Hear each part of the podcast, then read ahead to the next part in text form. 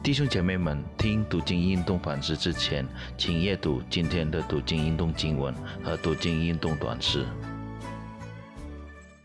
主内弟兄姊妹，大家平安！感谢上帝的恩典，今天给我们机会，我们可以再见面，我们可以一起在思想上帝的话语。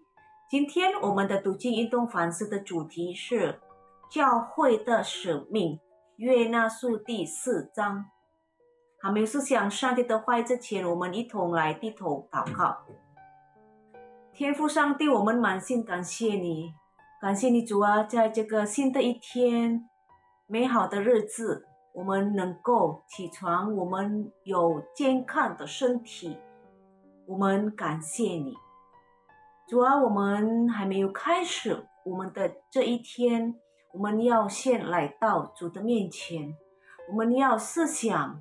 你的话语，求主耶稣敞开我们的心，好让我们能够明白你的话语。感谢你主，我们把这短短的时间交托在主的手中，求主耶稣带领我们。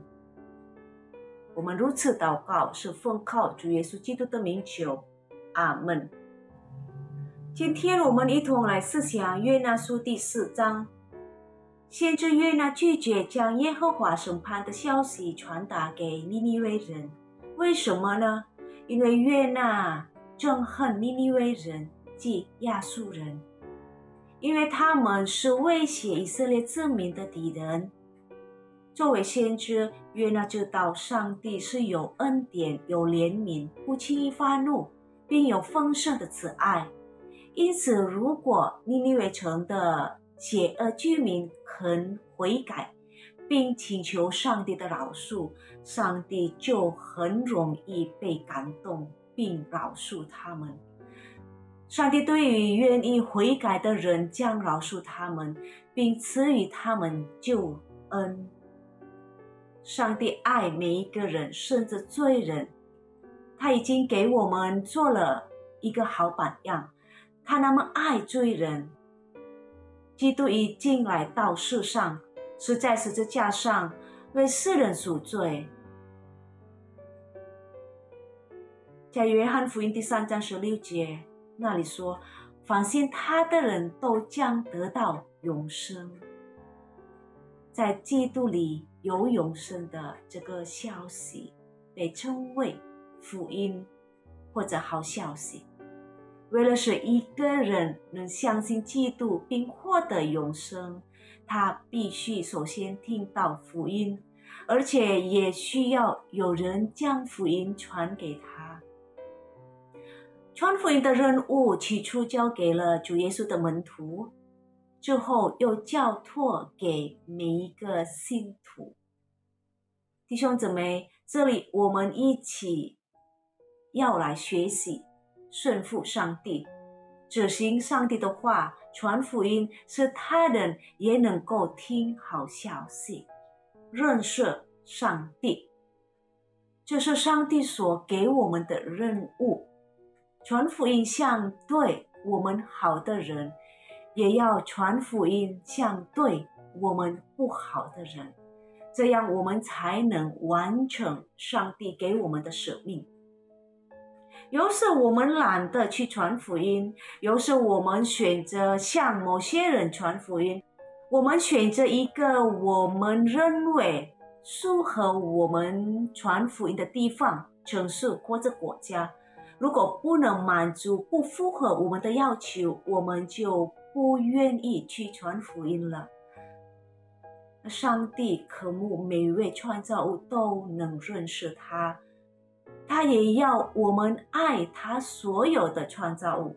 可惜的是，我们或者教会，恰恰在传福音时也常仿效先知约拿的态度，计算得失。弟兄姊妹，作为作为上帝的信徒，无论他们对我们好还是坏。他们可能是我们的配偶、我们的孩子、我们的亲戚朋友、同事、邻居，甚至伤害我们的人，我们都要学到去爱他们，把恨变成爱。